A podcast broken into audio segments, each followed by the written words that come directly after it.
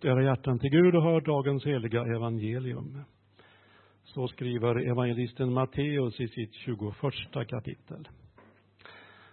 När Jesus och hans lärjungar närmade sig Jerusalem och kom till Betfage vid Olivberget skickade Jesus iväg två lärjungar och sa till dem Gå bort till byn där framme så hittar ni genast ett åsnesto som står bundet med ett föl bredvid sig. Ta dem och led hit dem. Om någon säger något ska ni svara Herren behöver dem, men han ska strax skicka tillbaka dem. Detta hände för att det som sagts genom profeten skulle uppfyllas. Säg till dotter Sion, se din konung kommer till dig, ödmjuk och ridande på en åsna och på ett föl, ett lastdjurs föl. Lärjungarna gick bort och gjorde så som Jesus hade sagt åt dem. De hämtade åsnan och fölet och la sina mantlar på dem och han satt upp. Många i folkmassan bredde ut sina mantlar på vägen. Andra skar kvistar från träden och strödde dem på vägen. Och folket, både de som gick före och de som följde efter, ropade. Det är inte vilket år som helst som börjar idag. Det är ett nådens år och tänk om vi idag kunde vaccinera oss med den inställningen till livet. Det kunde bli som en årlig influensavaccination eller kanske en årlig coronavaccination framöver. Att varje första advent får det som en del av blodomloppet. Detta att vi får börja om. Att nystart är möjlig.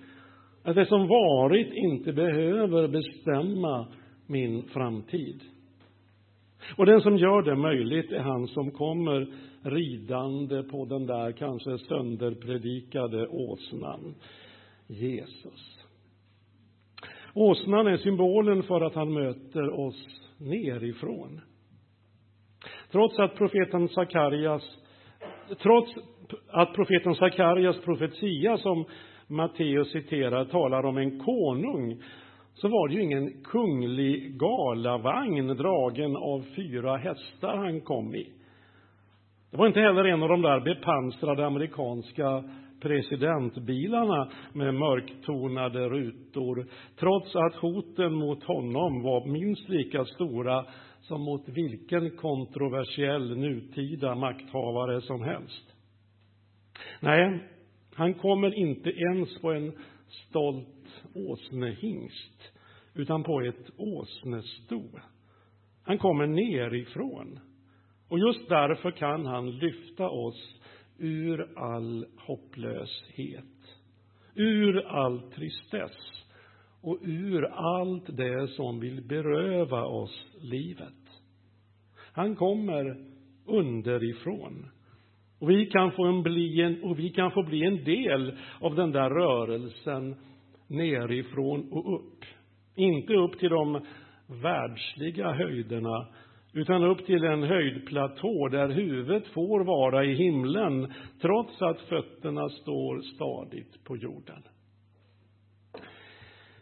Åter rider han idag in i Jerusalem, också i vårt Jerusalem.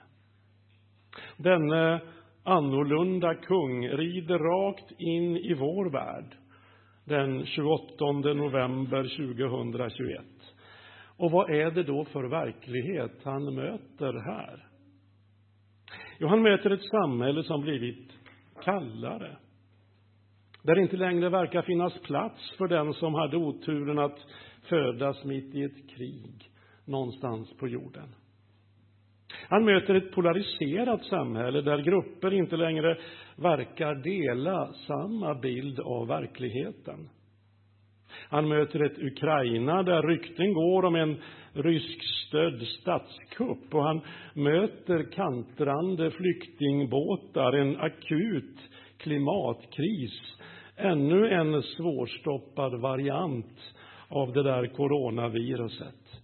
Han möter ett samhälle där tilliten verkar ha gått förlorad. Och där vi som desperata råttor börjar gnaga på varandra. Men, å andra sidan, troligen slog Black Friday nya rekord i förrgår och då blir han lugn.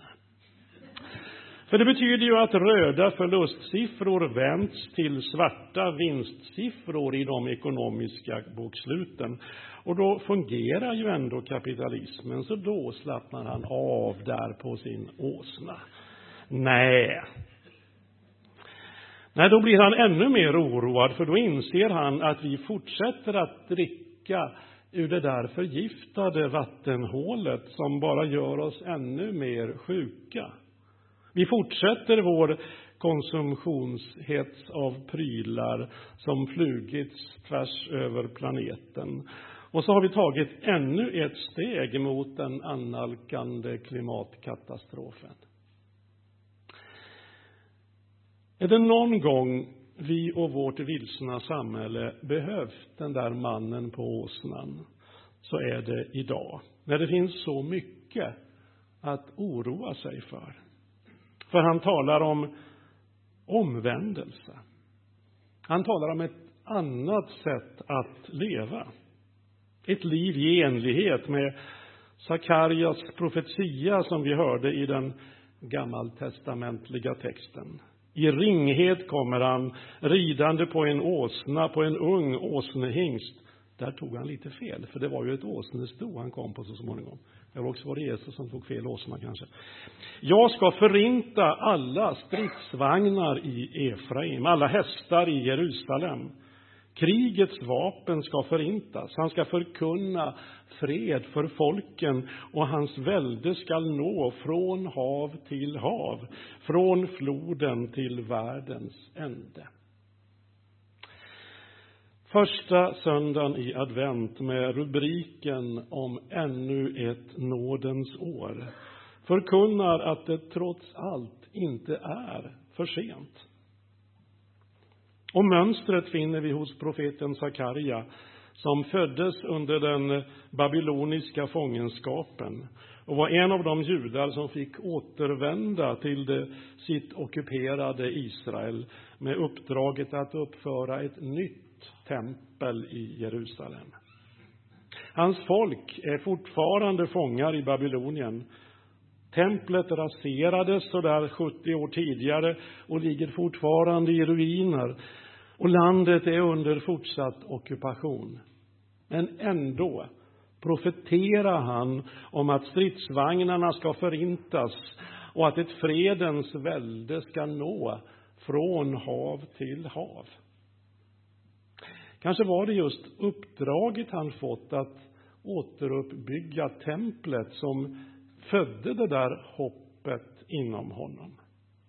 När förtvivlan och uppgivenhet kanaliseras i något slags praktisk handling, då tänds hoppet. Då börjar vi ana en gryning långt där borta. Det handlar om den där gamla devisen Förbanna inte mörkret, utan tänd ett ljus.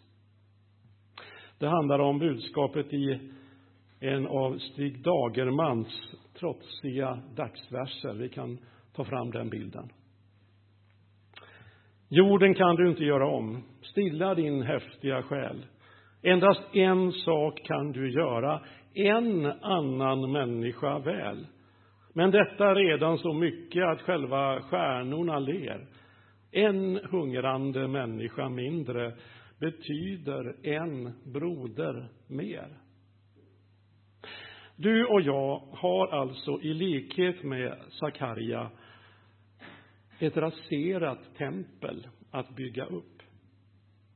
Det kan vara vårt projekt under detta nya kyrkoår. Vi kan vara med och ta små steg som att förändra sitt konsumtionsmönster. Som att ge plats åt bön, stillhet och gudstjänst i ett något inbromsat högtempoliv. Som att göra en annan människa väl. Varje sådan handling är som att foga ännu en sten till det där tempelbygget. Och om miljoner människor gör sådana små tempelbyggande handlingar så kommer tempel efter tempel att resas som monument över en besegrad uppgivenhet.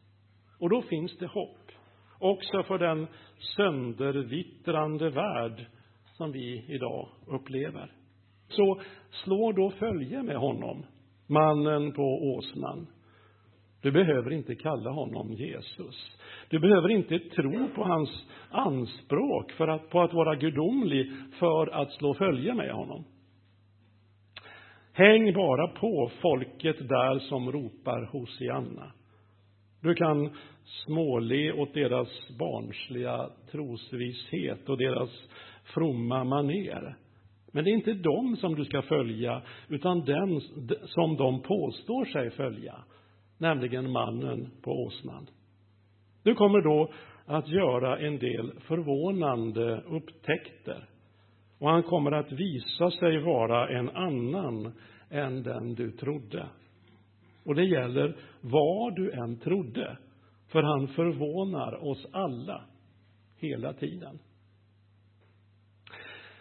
Nästa gång dagens evangelium dyker upp i kyrkåret är på palmsöndagen. Och då får vi veta vad som hände efteråt. Att denne fridsamme figur på åsnan plötsligt förvandlas till ett rytande lejon när han kör ut köpmännen ur templet. Han vill till varje pris skydda varje sorts tempel människor byggt från varje sorts profanering. För i hans ögon är de heliga. De där små stegen som vi människor kan ta i hans efterföljd. Inte ens om vårt lilla tempel mest liknar ett litet ömkligt sandslott ska någon få trampa på det. Så varsam är han med alla som lite tvekande och tvivlande tar ett enda steg i hans efterföljd. Så låt oss då alla under detta nya kyrkoår bli tempelbyggare som följer honom ett litet steg i taget. Amen.